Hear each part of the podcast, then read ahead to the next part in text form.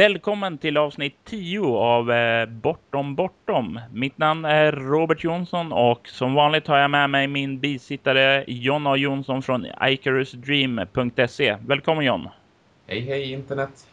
Vi är inte ensamma den här gången utan vi har fått förstärkning i, form av en tredje man. Jag säger även välkommen till mannen som tog blod och pussel till Katcon. Välkommen Kristoffer Hagström! Tack så mycket, kul att vara här. Ja, eh, du har bidragit en eh, hel del till Bortom. Du har skrivit ett litet bidrag till kommande rollspelet Leviathan. Bidragit med eh, ja, en hel del feedback till de olika äventyren och även korrekturläst kommande Noahs sista drag.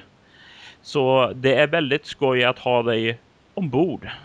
Ja, det är ju mest eh, på det sättet jag kommit i kontakt med Bortom och eh, det är så jag lärt mig om världen och sen har jag faktiskt lärt mig ganska mycket genom att diskutera dina verk eh, med dig. Ja, och det är ju något som alla är välkomna att göra. Eh, på så eh, sätt eh, är jag en spelskapare som är väldigt tillgänglig. Har ni frågor, kom och ställ dem till mig. Vips är du medarrangör på, på Gotcon fem år i rad. Ja, det var ju så du började John. Eh, så det kan vara en hälsofara att ställa frågorna också.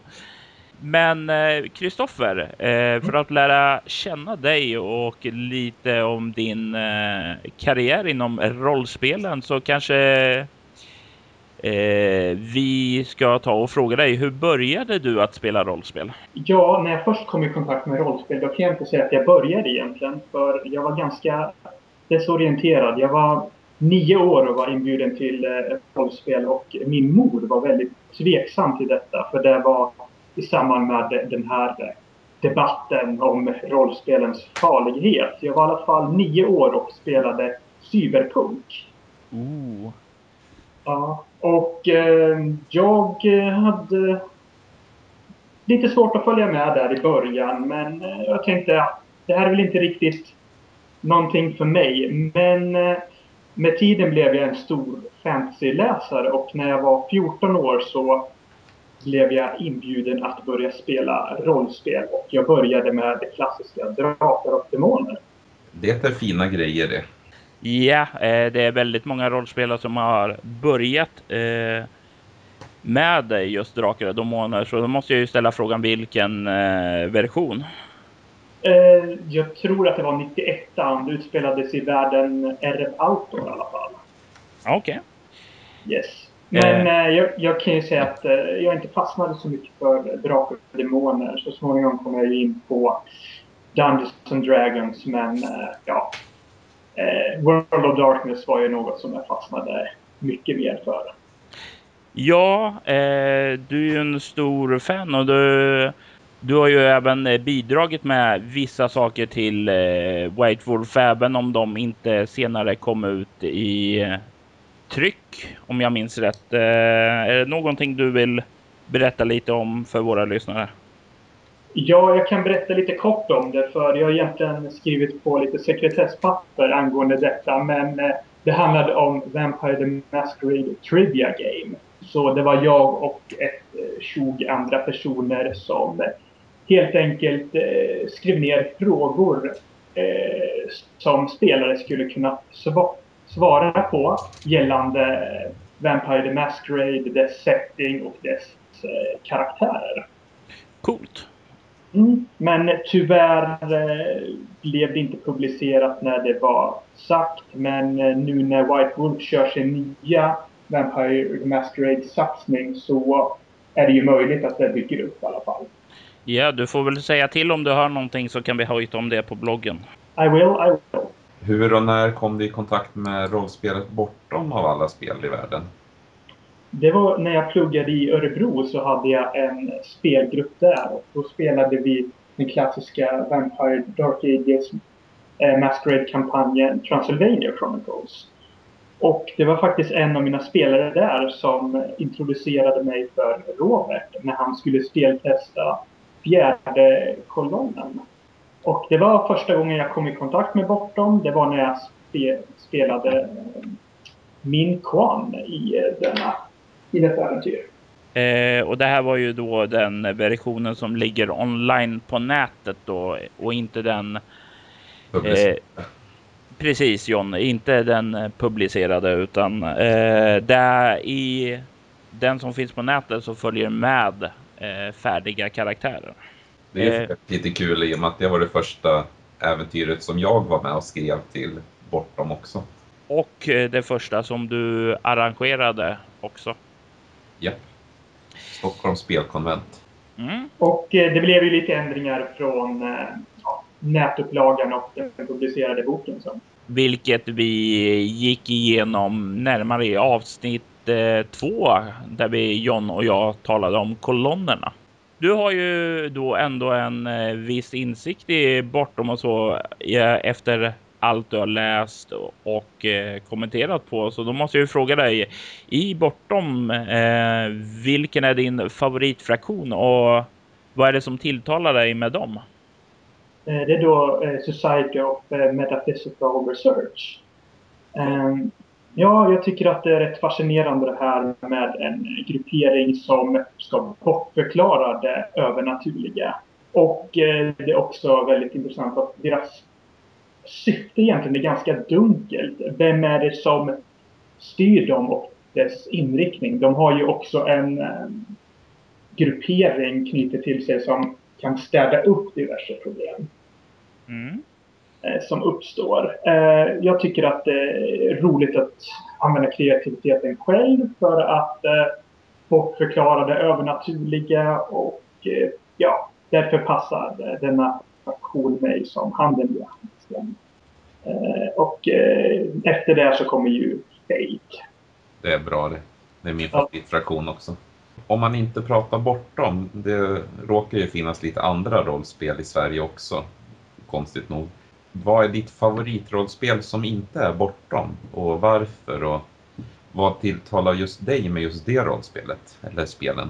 Eh, det är faktiskt eh, Vampire som släpptes av eh, White Wolf. Både då eh, till medeltiden och till den eh, moderna tiden. Jag föredrar eh, tappningen i modern tid. Eh, rätt roligt att eh, gå vidare med eh, och se hur skulle vår värld se ut om det fanns övernaturliga varelser bakom kulisserna och eh, hur, vad gör de för att lyckas dölja sig? Eh, och det här med intriger har ju alltid varit något som eh, har varit intressant. Eh, jag måste ju ta och ställa frågan då. Eh, eftersom du säger Vampire the Dark Ages och Vampire the Masquerade. Så eh, vad eh, tycker du om Vampire the Requiem? Eh, settingen tilltalar mig inte lika mycket som eh, Masquerade, men reglerna är ju att föredra. De har gjort det...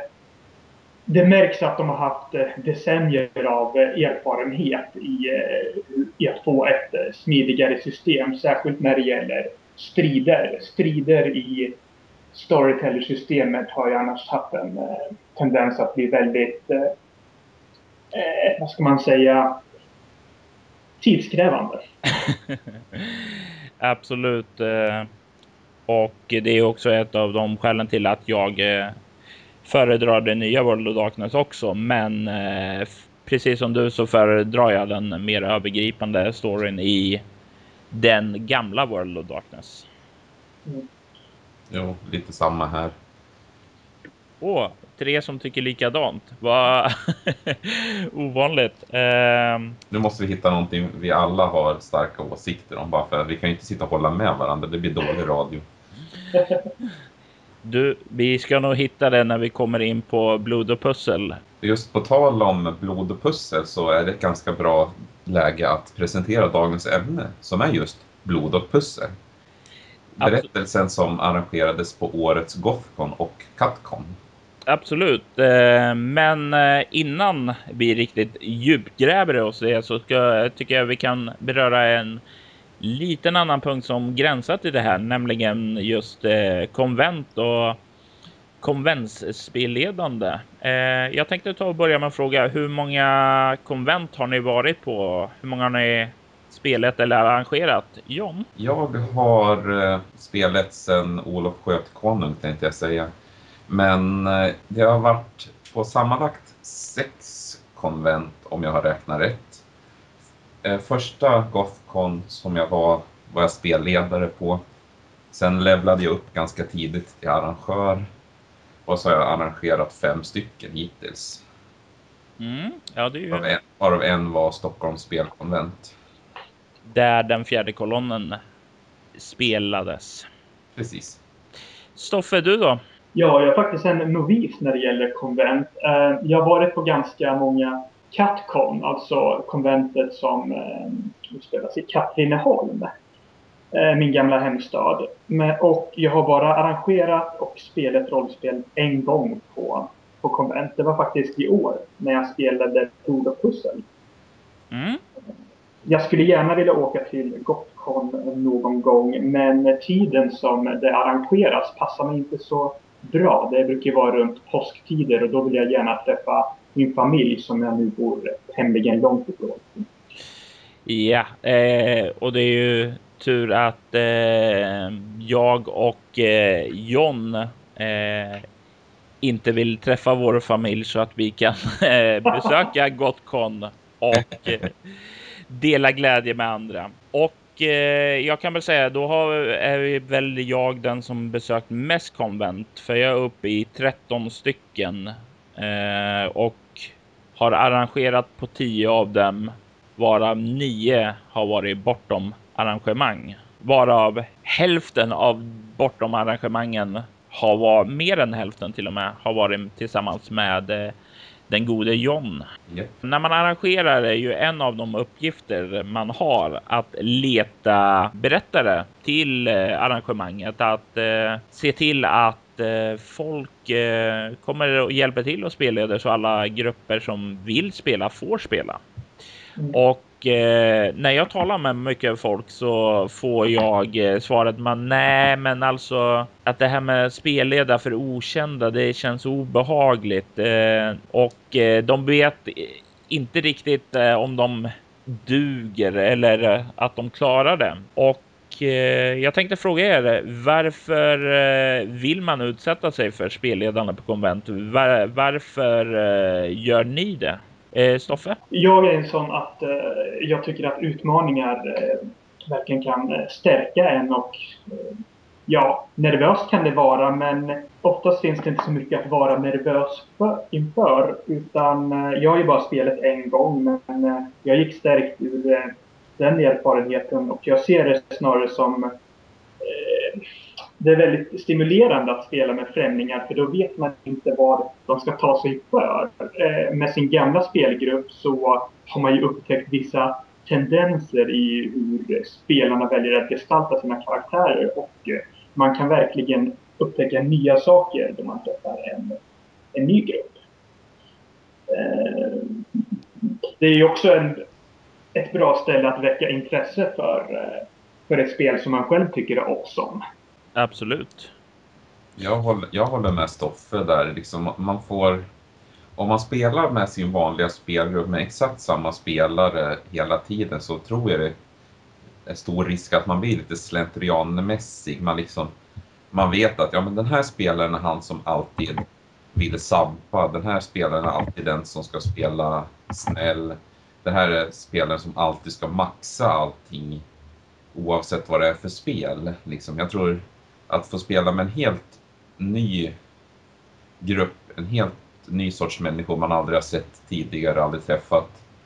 Då får man vara lite mer on edge, för då kan man inte luta sig tillbaka på, att, på vetskapen att ja, men den här spelaren kommer göra så här, den här spelaren kommer göra så här och så knuffar bara storyn åt rätt håll. Mm. Man får liksom, ja, man, man sitter inte lika bekvämt och man det pumpar lite mer blod och adrenalin när man måste tänka lite mer vad man ska göra snarare än att bara rulla på som vanligt. Absolut, eh, för det är lite grann det som också jag känner. Men eh, en annan sak som jag blir det är ju att när man ser hur de spelledare eh, eller spelar tillsammans med varandra så kan det skapa nya idéer hos mig. Eh, sedan jag började och eh, spelleda på konvent så har jag blivit mycket mer fysisk eh, berättare. Förut så satt jag bara ner still vid bordet, men nu är det väldigt mycket som jag reser mig upp, gestikulerar med armarna och händerna, vandrar runt i rummet eh, och det här är sådana saker som jag har plockat upp eh, på konvent när man har sett andra spelgrupper göra saker som man inte själv gjort. Mm. Eh, och det är mycket sådana här just att eh, tankar och idéer stimuleras när man hamnar i det okända istället för att hamna de här rötterna som ni talar om man lätt annars fastnar i. Vad eh, tycker ni att man bör tänka på om man väl kommer till ett eh, konvent och ska spelleda? Stoffe, du som gjorde det för första gången eh, det här året när du spelade Blod och pussel. Vad för förberedelser gjorde du?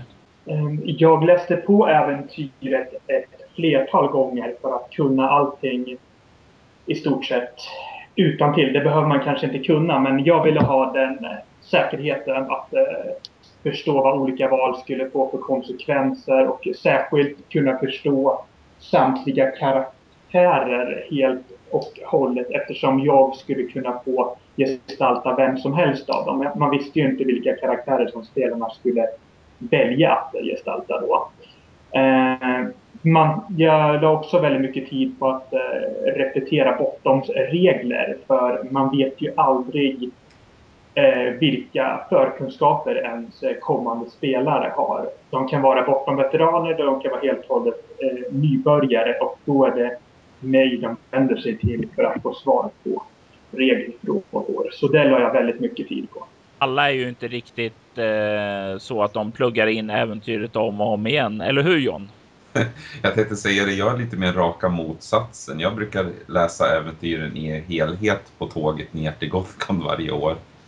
Och eh, läsa scenerna, typ scenen innan första spelgruppen spelar den.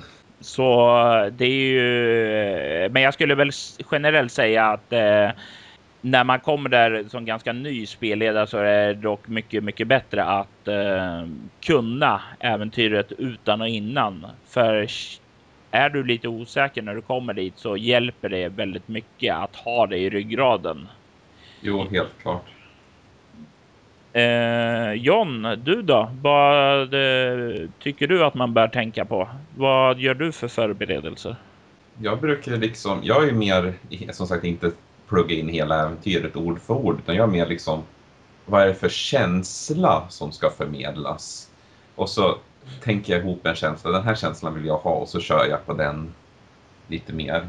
Och just när man träffar en ny grupp, liksom lär känna den, kläm och känn lite på grupperna, kanske inte rent fysiskt, det är kanske inte alla som uppskattar, men eh, men liksom när man träffar dem, presentera, liksom, fråga liksom, hur brukar ni köra, vad har ni kört och vad tycker ni om och sådana saker. Sen kommer man ju ändå inte ihåg vad det var de sa senare, så, men det är en fin gest att fråga i alla fall. Och så sen, ja, jag, jag tycker ju att, som jag sa, kör på känslan. Eh, för jag glömmer bort saker, jag hoppar över saker och sånt hela tiden, men så länge man liksom får att berättelsen håller en gemensam känsla genom hela. Det, det är någonting som jag anser viktigt. En sak som jag tycker är eh, väldigt viktig är att eh, man eh, bejakar spelgruppen och ger dem en intressant upplevelse och det går ju in lite på vad ni har sagt innan. Dels att man kommer förberedd, man tänker på att skapa en enhetlig stämning och eh, så. Eh, jag brukar börja med att ställa några frågor eh, innan vi sätter igång.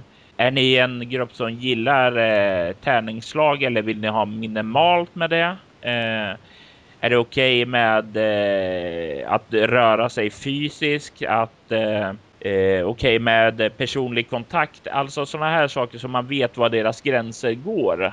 Eh, och kan, eh, att man inte bryter det. För jag har haft eh, spelledare på konvent som kanske gjort saker som inte är helt okej. Okay. Eh, och då förstörs ju hela spelupplevelsen. Mm. Så... Robert, peka nu på den här lilla dockan vart det var spelledaren tafsade på dig. Nej, det var inte på mig. Eh, jag har sällan emot fysisk kontakt. Eh, Okej, Robert, peka på lilla dockan vart du ville att spelledaren skulle tafsa på dig. eh, vi, vi, lämnar det åt Johns fantasi och eh, går vidare. Men eh, vad jag tänkte säga var också att eh, hela tiden under berättelsen man försöker känna av och involvera alla vid spelbordet. Eh, för det är lätt annars man får en grupp där en är jätteutåt och de andra är lite tystare. Ja, men försök att aktivera dem tysta då på något sätt. Att ställ direkta frågor till dem så att det inte bara är en som får spela äventyret i sig. Så mycket handlar om att lyssna och eh, mycket av eh, de här tipsen på att eh, bejaka spelgruppen och så är sådana som jag också sedan har tagit upp i boken Visioner och fantasier. Och tal om fantasier igen. Har ni några speciella konventsminnen som ni vill eh, dela med er av? Stoffe, är det något speciellt eh, du minns från eh, Katcon i år? Ja, det var inte bara spelledande av Blod och pussel mm. som gällde utan jag fick lägga ner ganska mycket tid på liveförberedelser också. Det var ju två tvåkvälls live också, Vampire. Och eh, det var ganska utmanande för eh, jag hade en ganska scriptad eh, karaktär. Det är jag väldigt eh, ovan vid, så det var ganska mycket jag skulle hinna uppnå under de här eh, kvällarna. Så man hade riktigt eh, fullt upp eh, tillsammans med det och eh, förberedelserna till, eh, till blod och pussel då. Och eh, jag hade räknat med att det kunde bli upp till tre olika grupper som jag skulle spelleda för. Men det blev bara för en. Men det tog sin tid det också. Mm. Och angående blod och pussel så kan jag väl gå in lite mer på det senare. John, du då? Du har ju lite mer att välja och vraka bland. Ja, jag har ju ett minne som jag tycker är väldigt roligt som Robert av princip inte tycker är väldigt roligt. Och det är eh, första gången jag var nere på Gothcon Eh, jag tror det var sista omgången jag körde femte kolonnen så lyckades spelgruppen springa igenom den på två timmar. Och jag, blev, jag var helt chockad för jag har hela tiden känt att oj det här äventyret är så långt, det kommer aldrig hinna.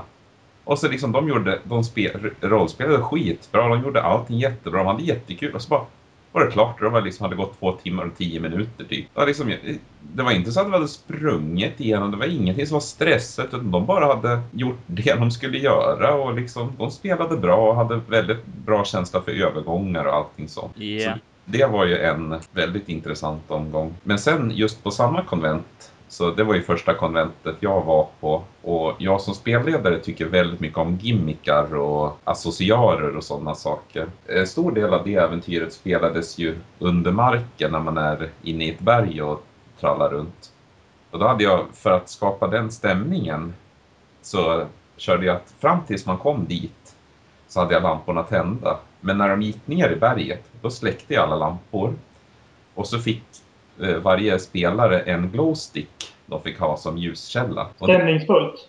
Ja, det, det, det var en av de bästa grejerna jag har gjort. För jag kommer ihåg just en annan grupp, inte den gruppen som sprang igenom det på två timmar, utan det var en annan grupp som man verkligen märkte hur de var inne i allting. För det första så tror jag det var en spelgrupp som tyckte allting var liksom skithäftigt och just när de fick liksom den här glowsticken, det som kröp ihop liksom i ett hörn och satt och läste på sina karaktärsblad med den här lilla glowsticken. Och man, man verkligen såg liksom, så fort det hände något så liksom hukade de ihop sig och jag tror där träffade jag verkligen mm, så här, eh, bullseye på den spelgruppen. Ja, jag kan tänka mig väldigt, väldigt stämningsfullt att eh, känna att åh, fan eh, vad eh, vår spelledare har förberett sig här eh, och man verkligen känner att ja, det är mörkt. Nu måste vi använda ljuset som vi hade. Det var ju i årets blod och pussel eh, som lite grann likadant som vi använde, eller rättare sagt som spelgruppen använde när de kom in i ett mörkt rum och fick upp en ljuskälla där så använde en av spelarna en mobiltelefonapp som simulerar sådana här brinnande litet ljus som blev det enda ljuset de hade tillgång till där inne. Och det, även om det inte var jag var en duktig spelledare som John då, eh, så löste de det på liknande sätt och har just den här lilla, lilla ljusglimten som enda trygghetsgrej. Jo, men just sådana där små saker tycker jag det ger väldigt mycket. Det kommer jag att ta upp i min kommande serie på icarustream.se, spelledarskolan, med just sådana här eh, gimmickar, som jag kallar det. Små saker man har med för att skapa lite extra stämning och sånt. Eh, jag vet ett annat exempel här som jag vet Robert tycker väldigt mycket om. Det är ju från eh, fjärde kolonnen. Där, vi har pratat om det här tidigare, så har lakrits en ganska viktig mm. del i berättelsen. Och då hade jag, för att psyka spelgrupperna lite, så hade jag med en påse lakrits som jag ställde fram under spelmötet och lät spelarna äta av. Och när de insåg vad det var de åt för någonting, då blev det en ganska cool känsla. Eh, jag tror lite tillbehör eh, på det där sättet kan verkligen stärka stämningen. Jag hade med mig ett par till ord och pussel. Men eh, då ska vi gå in lite mer på hur de kom till användning. Men det stärkte stämningen ganska mycket tyckte jag. Att dra sig till minnes allt som har skett är ju lite svårare för mig då, men jag var med ett par olika händelser som var rätt tuffa. Det var ju när vi spelade Anakronismer 2011 så hamnade jag i en situation där det var två äldre herrar, eller tre äldre herrar och eh, två unga tjejer. Eh, varav en tjej eh, var eh, dotter till en av de äldre eh, herrarna. Och eh, hennes kompis då. Och det skojiga var då verkligen att se hur föräldrar tog med sig barn till konvent och att de spelade tillsammans. Och det, det fanns inte den här gränsen att eh, nej, vuxen och eh, ung, utan de här, även de här unga kunde sätta press på de vuxna och det, jag tyckte det var så fint att se dem spela tillsammans. Och det var någonting som verkligen eh, eh rörde mig. Sedan så är det ju så, man, man har ju träffat så mycket folk i synnerhet nu när man har blivit lite grann av en institution på ja, Gotcon då, så träffar man folk eh, om och om igen. Eh, och eh, får spela med dem. Så det blir lite grann som en man möter gamla bekanta och får spela med dem ungefär en gång varannat år då. och det tycker jag också är jättekul att man får massa bekanta ansikten och sådant. Sen så vet jag att jag borde ha något awesome minne, men nu kommer jag inte på något. Det är helt still. Robert, berätta lite om baktanken till Blod och pussel. Vart kom all den här galenskapen ifrån? Det börjar med namnet. Så mycket vet jag. Eh, Blod och pussel eh, fastnade någon gång i mitt sinne och jag eh, visste att jag vill göra någonting med det här. Och jag visste inte vad då, utan det blev lagrat där som ett, ett tufft namn helt enkelt när eh, jag väl kom till eh, den tidpunkten i augusti förra året som det blev dags att börja tänka på en eh, berättelse så mm, dök blod och pussel upp i mitt sinne igen.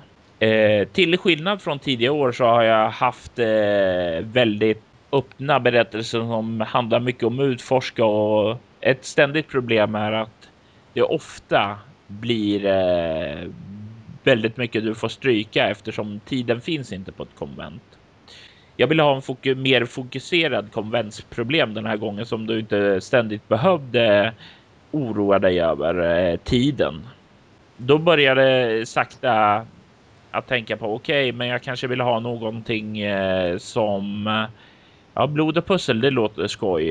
Eh, vad kan man göra av det? Ja, men det kanske någon form av experiment, eh, någon eh, ja, något no, no, så aktigt eller något cube-aktigt. Och det var så tanken började. Hade du inte som arbetstitel ett tag experimentet eller något sånt också? Har jag något vagt minne av att du irrade någonting om. Jajamensan, eh, det stämmer eh, väldigt bra. Det, grundtanken var ju som sagt var någon form av experiment. Och eh, det var väl först när jag sen kände att blod och pussel, ja men alltså det är ju det här experimentet handlar om. Att eh, det har lite problemlösning och eh, problemlösningen kan gå överstyr så att det blir eh, massa blod och så. Och det var där som eh, synergin mellan idén och namnet eh, slutligen gjorde det väldigt klart. Det var väl också, det härstammade väl lite grann från min tanke som jag har ältat i flera år om att ha ett typ realtidsäventyr. Det var väl lite där det började men sen ramlade vi av det tåget. Jag är inte helt säker men jag tror vi har tagit upp det här problemet tidigare just med ett realtidsdrama i ett rum eh, som man inte lämnar.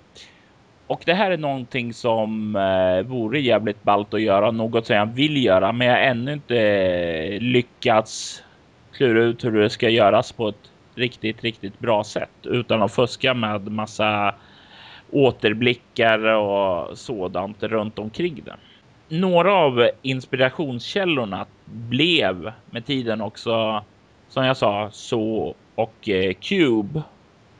Men eh, även en del andra filmer såsom Bre Breeding Room och Exam eh, fastnade hos mig också tv-serien som heter Persons Unknown blev eh, även en inspirationskälla. Och eh, tanken var ju som sagt var eh, någon form av grymt experiment som eh, folk utsattes för och som de var tvungna att hantera. Och det är vad de alla de här inspirationskällorna har gemensamt. Jag kan ju ställa frågan till er. Eh, har ni sett någon av eh, filmerna, serien sedan tidigare? Jag har eh. sett eh, Cube och så har jag börjat sett så-serien. Eh, av de du räknade upp har jag bara sett så och jag blev inte så imponerad men jag är mer imponerad av blod och pussel än så måste jag säga. Okej, nu, nu måste vi gå lite off eh, topic här. vad gillar du inte med så? Eh, jag tyckte att eh, en av eh, skådespelarna där var dålig helt enkelt. Det kändes inte, det kändes inte äkta. Jag tänker mest på han som spelade läkaren. Han gav mig inte något ah, okay. riktigt bra intryck. Liksom. Det kändes inte som det här var en kille som var i en desperat situation och det kändes som han inte kunde spela ut den här liksom desperationen. Erkänn, du, erkänn, du, du kommer bara ihåg honom från Robin Hood Men in Tights. det kanske var det undermedvetet, jag vet inte. Om vi går in på blod och pussel. Vad var era första intryck när ni läste igenom berättelsen? Kristoffer, du kanske kan börja. Jag tänkte, eh, det här är verkligen ett eh, äventyr som man hinner spela på, på en kväll och eh, det är också perfekt både för nya och gamla spelare eftersom det är inte särskilt regeltungt. Fokuset låg ju på problemlösning och moraliska dilemman skulle jag säga. Och då finns det stor potential för friform och när reglerna mest kommer på tal så kan man lösa det relativt snabbt. Eh, jag tyckte också det var väldigt intressant med det här att det skulle utspelas i realtid det är inte första gången som jag eh, använder den här idén utan det är lite grann av den tanken finns också i det konventscenario som jag spelade eh, som hette eh, Det lyriska epidemin. Var det inte det i lyriska epidemin var väl hela alltihopa och det äventyret som kördes var väl det lyriska blodet. Sen var det väl typ det svarta blodet och det gröna blodet eller något sånt också. Det blåa. Blåa. Ja. Blå hade du någonting mer du ville tillägga Stoffe innan jag eh, bara så grymt snoppade av dig? Det är ju så att mina grundintryck eh, av blod och pussel stannade, de kvarstod även efter att eh, vissa ändringar gjordes från det det som eh, var med i upplagan till Gotcon och upplagan som fanns till Capcom. Grundintrycket fanns ju fortfarande kvar där. Liksom. Och eh, John, eh, vad var dina intryck? Ja, mitt intryck var väldigt eh, varierat kan jag säga.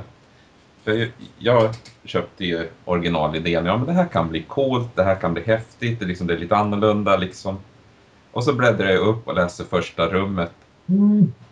Och där har vi den, den kanske största eh, oenigheten jag och Robert någonsin har haft. För ja. för min första tanke när jag läste första rummet utan att spoila en massa är vad fan beep är det här för någonting? Ja, eh, första rummet i hela eh, ja, berättelsen sätter ju så som jag tänker det är att sätta stämningen direkt att det här är eh, hemskt på alla sätt och vis och eh, John och hans spelgrupp eh, Ja, ska vi säga snällt så det tilltalade inte riktigt dem. Nej, det gjorde det inte. Äventyret i övrigt var det inga problem med, men liksom varken jag eller spelgruppen tyckte om första rummet. Jag väcks fortfarande i natt av John spelledare som skickar sms till mig och skriker rummet, rummet. Eh... ja, det, det har blivit ett litet internskämt. ja, det var i alla fall inte som första rummet i blod och pussel. Men eh, som sagt var, det har varit lite så här. Eh, min spelgrupp tyckte det var jättebra att etablera stämningen. Johns gillar inte alls. Så Kristoffer, eh, jag måste ju bara fråga. Avgör den här twisten en gång för alla. Vad tyckte du om första rummet? Jag tyckte faktiskt det var awesome kan jag säga.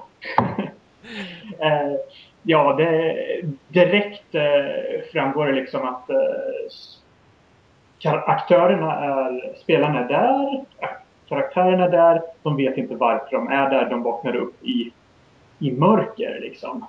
Eh, och eh, jag tycker det sätter stämningen väldigt bra med det valet som en av karaktärerna måste göra för att eh, alla ska bli fria. Jag gillade det verkligen. Men jag vet inte hur mycket du vill att vi ska spoila äventyret här idag, Robert. Jag tycker det räcker eh, sådär och eh, låter våra egna lyssnare eh, lyssna på ett ljudklipp från just Blod och pussel. Det här spelades in under årets Gotcon eh, med en spelgrupp där bland annat mm. spelskaparen Mikael Bergström som ligger bakom Evolutionens barn, Värmedöd och Null State eh, var med. Eh, och det här är klippet är just från det första rummet. Så lyssna och avgör själv vad ni tycker. Från sömnens rofyllda mörker väcks ni av ett obehagligt gnisslande som nästan skär ända ner i själen. Även om ni öppnar ögonen så är allting fortfarande svart. Det är, ni kan höra gnissel och stål om, omkring er när somliga av er försöker känna, röra på sig men känner att händerna är fastspända i eh, kedjor kring en järnstol. Samma med benen och det sitter någon bälte i vid midjan. Ni försöker röra huvudet men det sitter nästan så här. Det går inte att röra särskilt mycket åt sidan alls.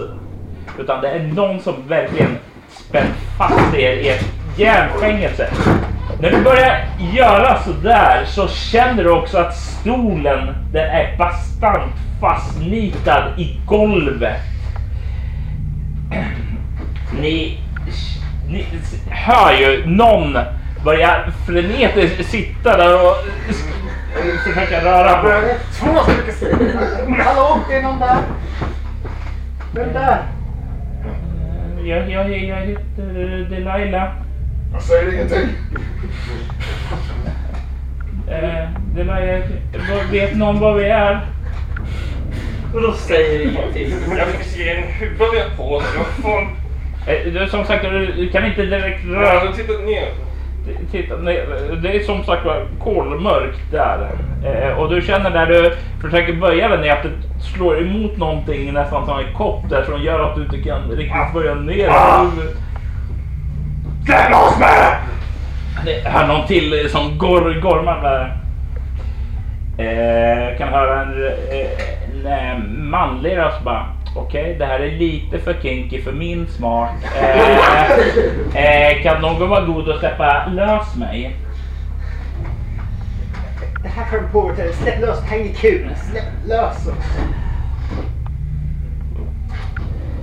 Som sagt var, de här två som har låtit mest, de verkar komma från samma håll. Tänk att ni verkar sitta i en ring runt varandra. Eh, så...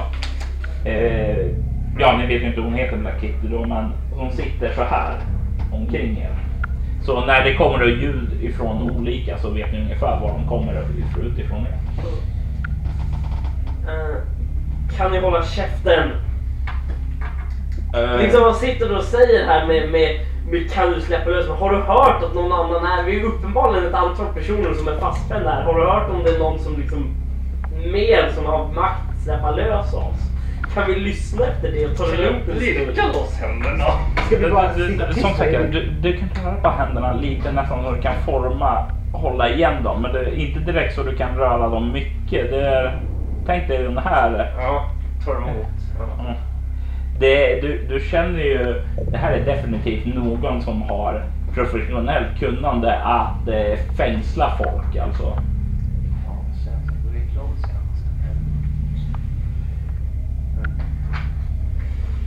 Eh, Okej, okay. eh, jag, jag, har hört att vi är åtminstone sex stycken här, här inne. Har ni eh, en ganska spröd röst säga. Eh, eh, är det någon som har ett minne om hur vi kom hit? Det sista jag minns är att jag, jag gick och la mig. Som här. Minns det var. David. Oh, han är en eh, mjuk, nästan lite så här sensuell röst. Det är inte fel att festa med grabbarna. Nej, eh, men, men det är tydligen, eller jag kan ju bara tala mig för, för mig själv, men, alla har inte kommit hit efter en för lång natt med grabbarna. Nej. Nej, jag skulle definitivt inte spendera en natt med grabbarna. Inte när man kan ha vackert damsällskap. Vad fan är det du antyder? Nej, vad du verkar måste inte min affär att lägga sig i. Är det här verkligen relevant? Nej, kanske inte. Eh. Det är inte bara jag som är blind va? Nej. Mm. Är det någon som, in, är det någon har någon kropp som, som inte sitter fast? Jag sitter fast. Ah, nej. Eh, som sagt var lite för kinky för mig men... Eh... Armar, armar, ben, huvud. Någon som inte har armar, ben, huvud fastsatta. Något för oss. Eh, som sagt, fast kan eh, känna att det går att röra sig lite framåt och det är då ni kan höra fotsteg komma gående mot er. Vem är det? Vad vill du? Välkomna.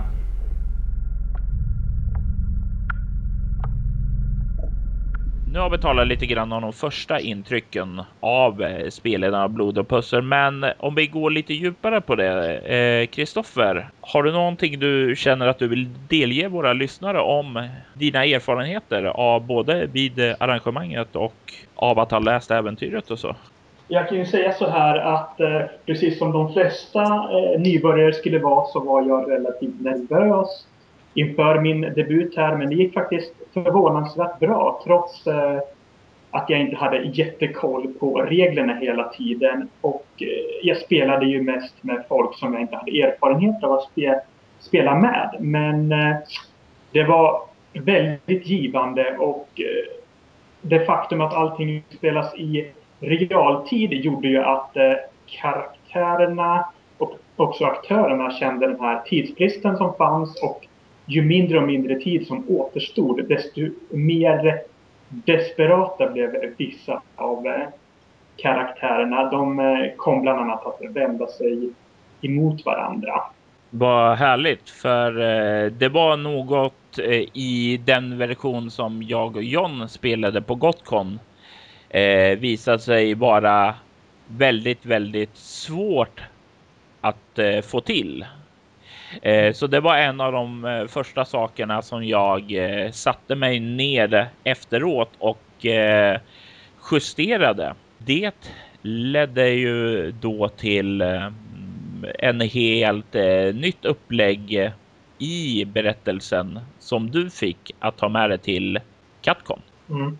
Och det var ju rätt intressant för alla alla karaktärerna var ju överens, åtminstone sa de att de var överens om att eh, man skulle ha en enad front mot hotet de mötte. Men eh, efter ett tag så började ju karaktärer agera bakom ryggen på andra och eh, en eh, karaktär bröt faktiskt samman. Då var det karaktären Eileen.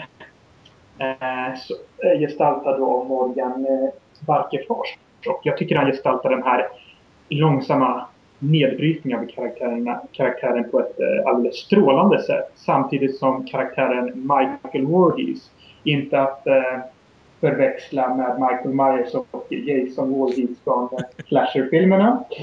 eh, han blev dock nästan lika modisk som eh, de i sin desperation. Ja, speciella minnen. Jag har intressant nog inga direkta minnen från själva spelledandet utan jag har liksom så minnen som hände runt omkring före och efter som inte riktigt har med själva spelledandet att göra som så. Det är ju en sak som jag kommer ihåg väldigt tydligt det var när vi satt och väntade på sist, eller näst, ah, typ andra spelgruppen eller något sånt, spela andra, andra spelomgången så var det en grupp som inte kom. Mm. Hela gruppen var frånvarande? Ja, jo, precis. Det är tyvärr inte ovanligt att spelgrupper kom, försvinner och sådana saker inte kommer fram och sånt. Ja, det händer ju att de eh, dubbelbokar sig och bara för att få spela någonting och sen dyker de inte alls upp. Precis, men hur som helst så var det att då klippte vi bort den gruppen och så tog vi in en annan grupp som vi brukar göra och det brukar inte vara något strul. Så blir jag tilldelad dem och så traskar jag iväg. Och eh, jag och Robert går ju alltid runt med så här bortom t-shirtar för att visa att vi är bäst på konventet. Och för att på, när jag gick till rummet vi skulle spela i så kommer det fram en person. Alltså, ja, är det ni som arrangerar bortom? Ja, det är det. Ja, vi, vi, vi skulle spela nu men ni har inte kommit. Och så står de vid en helt annan dörr mot vad som stod i eh, all information. Så jag sa, nej, ja, nej, ni kom ju inte så vi har ju tagit en helt annan grupp nu i och med att ni inte kom. Och personen blev jätteotrevlig, jättesur och tyckte att vi hade gjort fel för att de hade stått vid fel dörr och väntat. Till skillnad från alla andra som stod vid dörren en bit bort och väntade. Så den personen gick, surade och gick iväg. Eh, jag vill bara inflika här att eh, när vi kallar så här till samlingar så brukar jag skicka in John att vråla efter gruppen. Eh, och han vrålade efter gruppen så det var inte vårat fel på något sätt utan eh, Johns röst ekade genom korridoren. Eh, och att de då som stod där borta en bit bort inte hörde det får stå för dem. Precis. Men så den personen traskar iväg och är tjurig och jag tänker jaha, det är inte så mycket att göra. Liksom. Jag traskar iväg och just när vi kommer fram till det rummet vi ska vara i då kommer en annan person springandes efter och frågar om hon fick vara med och spela ändå. Och det var ju inga problem alls. Den, den andra gruppen vi hade hade ju inga problem alls med det. Så det, hon fick ju vara med och spela hela äventyret. Jag tycker det visar lite skillnaden på hur olika personer löser problem. Mm. Vissa liksom bara, jaha, nej, men eh, alla andra har gjort fel utom vi. Vi stod här där det står fast det inte står det. Och den andra, okej, okay, eh, får jag vara med? Ja, inga problem. Mm.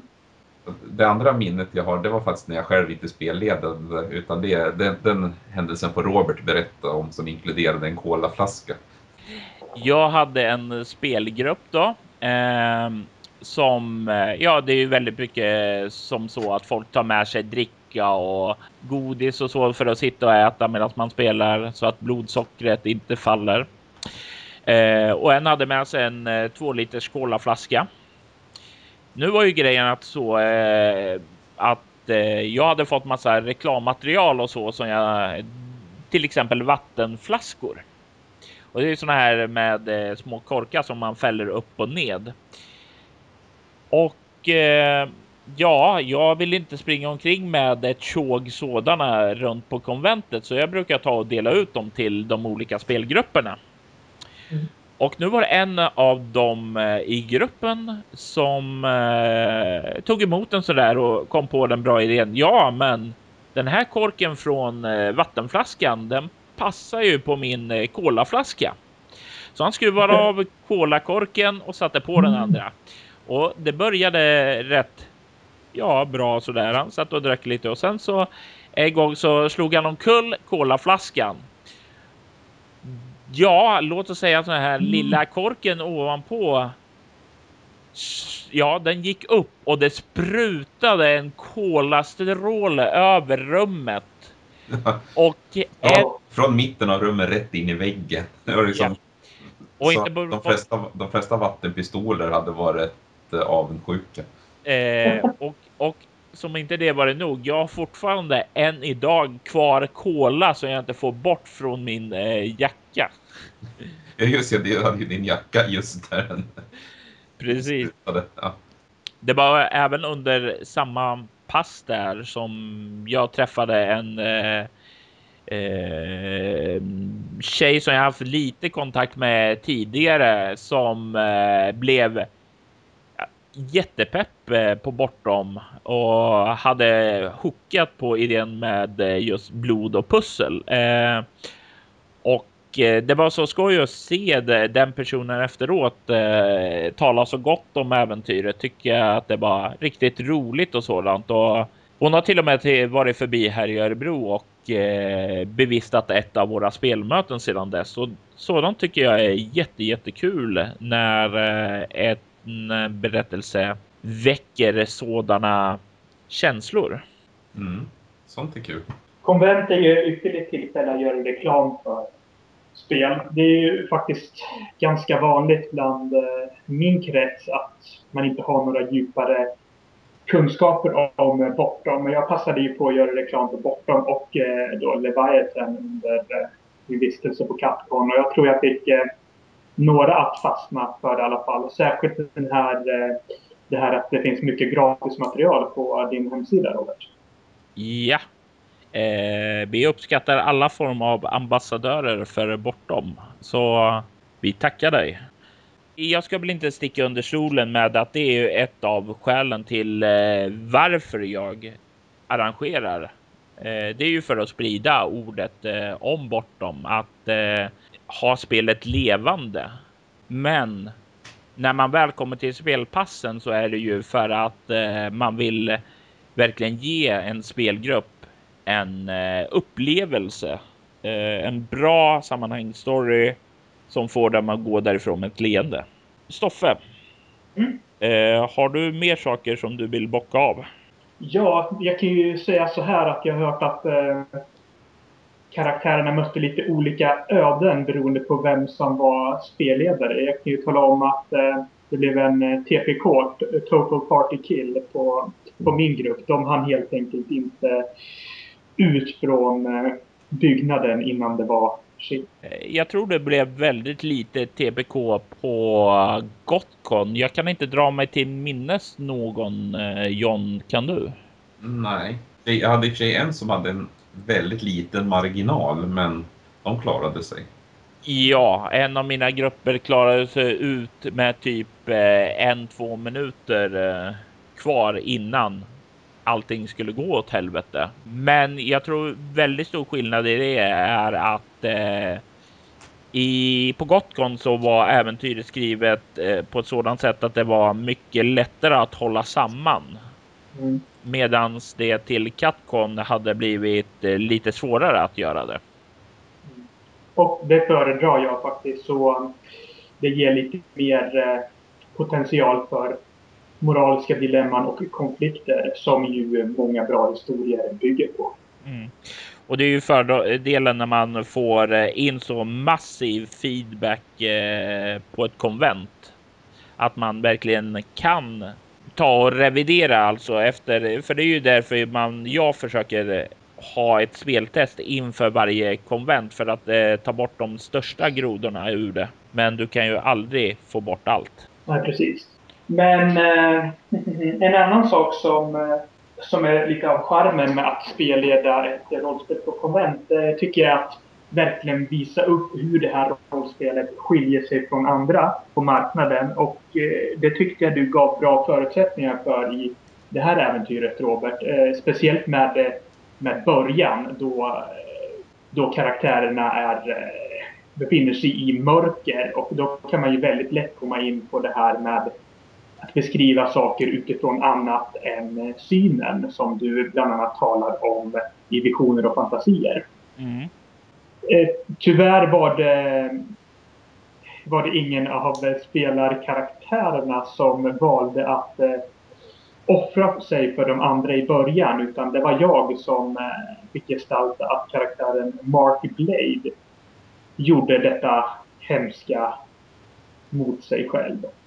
För att inte spoila vad han behövde göra. Det var i alla fall en stor uppoffring som han var tvungen att göra och det var intressant att höra hur karaktärsgruppen diskuterade vem som eh, kunde avvara denna sak som han fick offra. Eh, alla var inte särskilt eh, godhjärtade i den diskussionen. Nej, och det är ju lite grann det. Vad är man villig att offra eh, som var tanken med första scenen?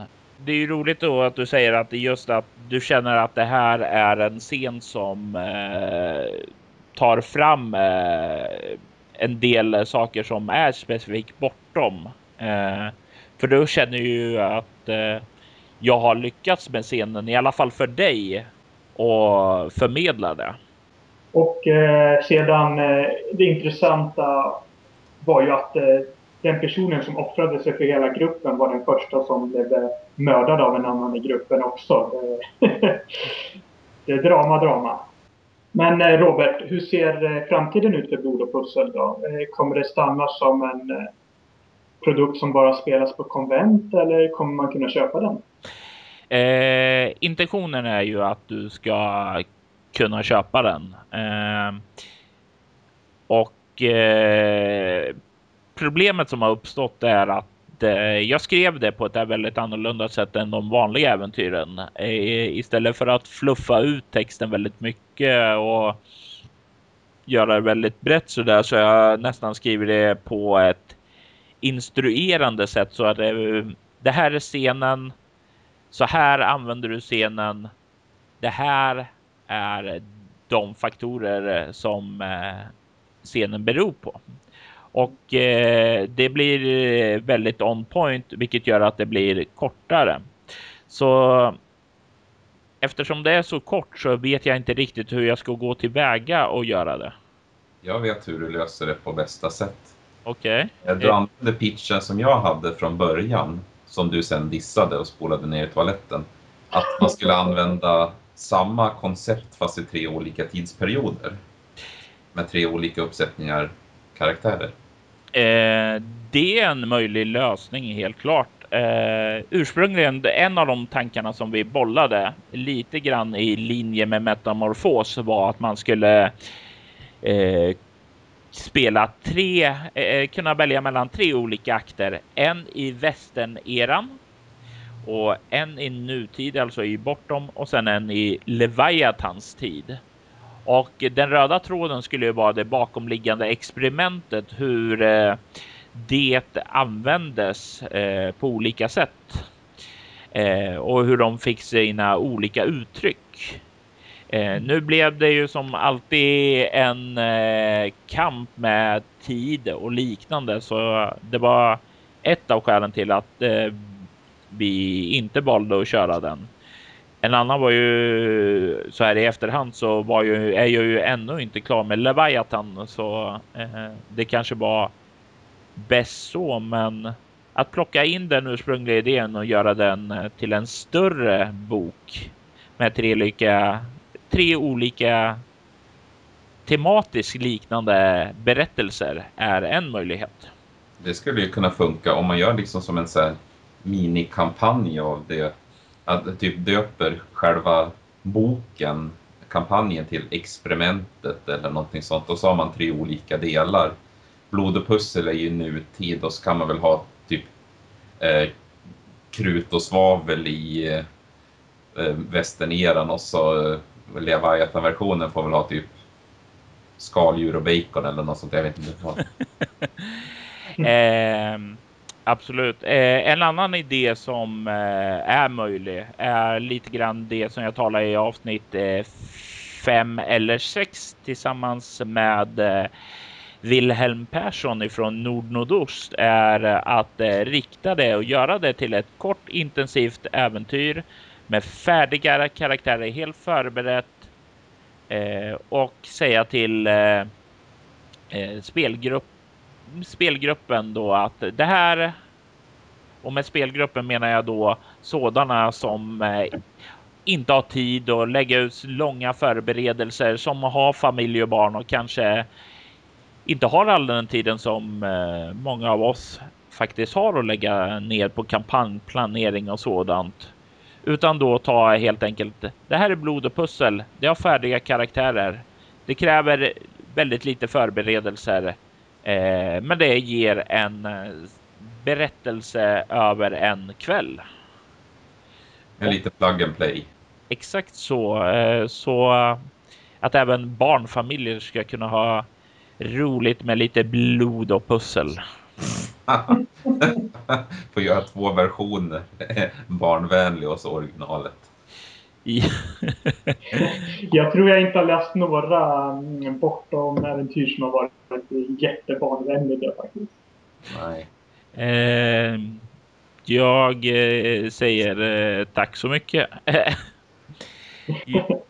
mm, jag hade en liten idé kring det här. Ja, jättekul, jättehärligt. Dela med dig Kristoffer. Ja. Eh, själva tanken kring det här experimentet kan vi i alla fall utan att spoila säga grundar sig i en idé som uppkom flera hundra år innan experimentet utfördes. Så den första akten skulle faktiskt kunna anspela på hur upphovsmannen kom fram till, till detta och eh, att eh, det som händer nu under konventen, att det utspelas i akt 2 och akt 3.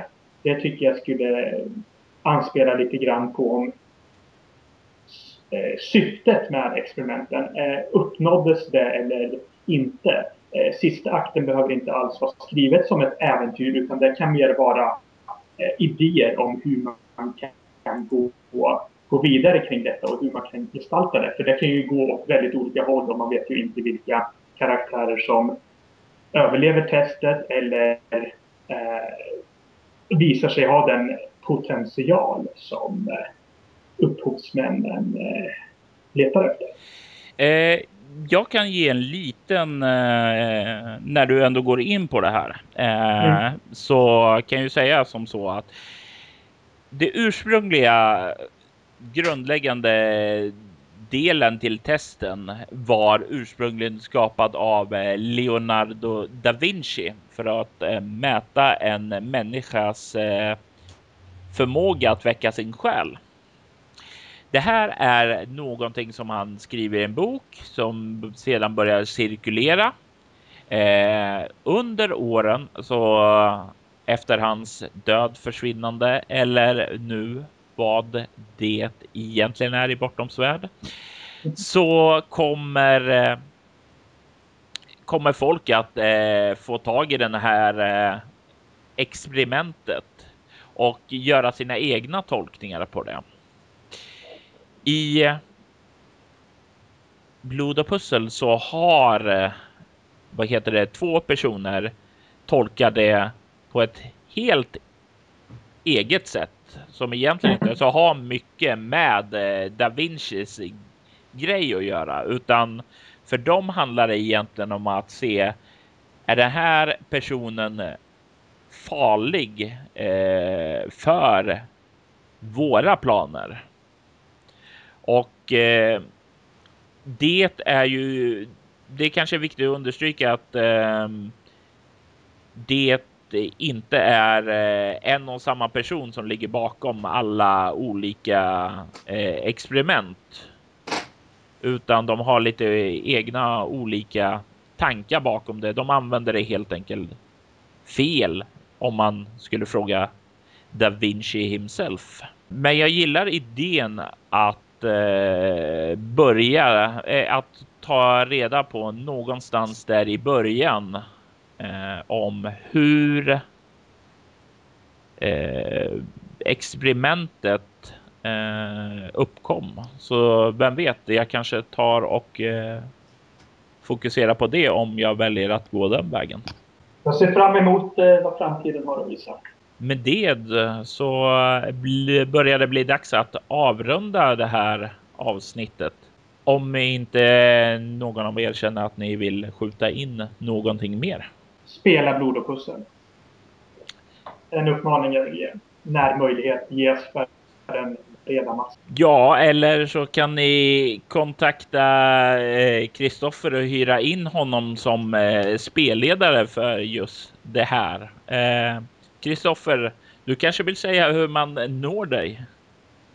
Ja, eh, de enklaste sätten att nå mig borde vara att eh, skriva till mig på min Gmail-adress. Det är då Kristoffer med CH och 2F Hagstrom at gmail.com och på Twitter kan jag nås på Kristobal 198302. Jag brukar väldigt ofta kommentera sådant som Robert skriver så det är kanske är lätt att hitta mig genom honom också. Ja, och eh, ni hittar ju som sagt var eh, mig och Bortom på att spela Bortom. Eh, ni kan även nå eh, Bortom bloggen på bortom.nu eller oss på Facebook snedstreck spela bortom. Eller via mejladressen info bortom.nu. John? Mig når man som vanligt på eh, john.jönsson bortom.nu eller på min sida icarusdream.se där jag skriver massa konstiga saker om kampanjer och annat fluff. Och ni hittar mig aldrig på Twitter. Eh, men ni finner Bortom Bortom på bloggen eller via iTunes där man kan prenumerera på denna eminenta podcast. Prenumerera gärna på oss och när vi inte är där lämna gärna en recension, helst femstjärnig. Men vi accepterar även fyrstjärniga. Och med det säger vi... Hades.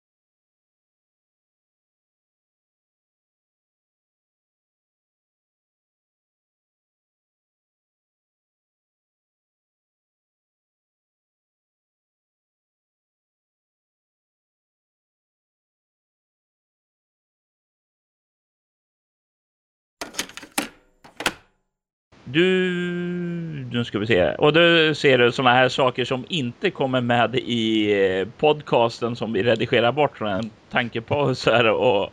Precis. när, när John sover och inte läser i talmanuset och sådana saker. det går bra för dig John här ser jag. jag ser det. Eh, det är också någonting vi gör, sitter live, eh, editerar vårat körschema hela tiden. ja, det, det, blir fel när Robert har klippt och klistrat. Ja. Jag, jag är som Christopher Walken, jag läser rakt ur manuset. Det blir fel ibland. Är det någonting du... Stoffe, är det någonting... Jan, sitt still! Aj. Eh, sorry, jag stack mig på något. Eh, va? Sluta med det. Ja, Sitt still.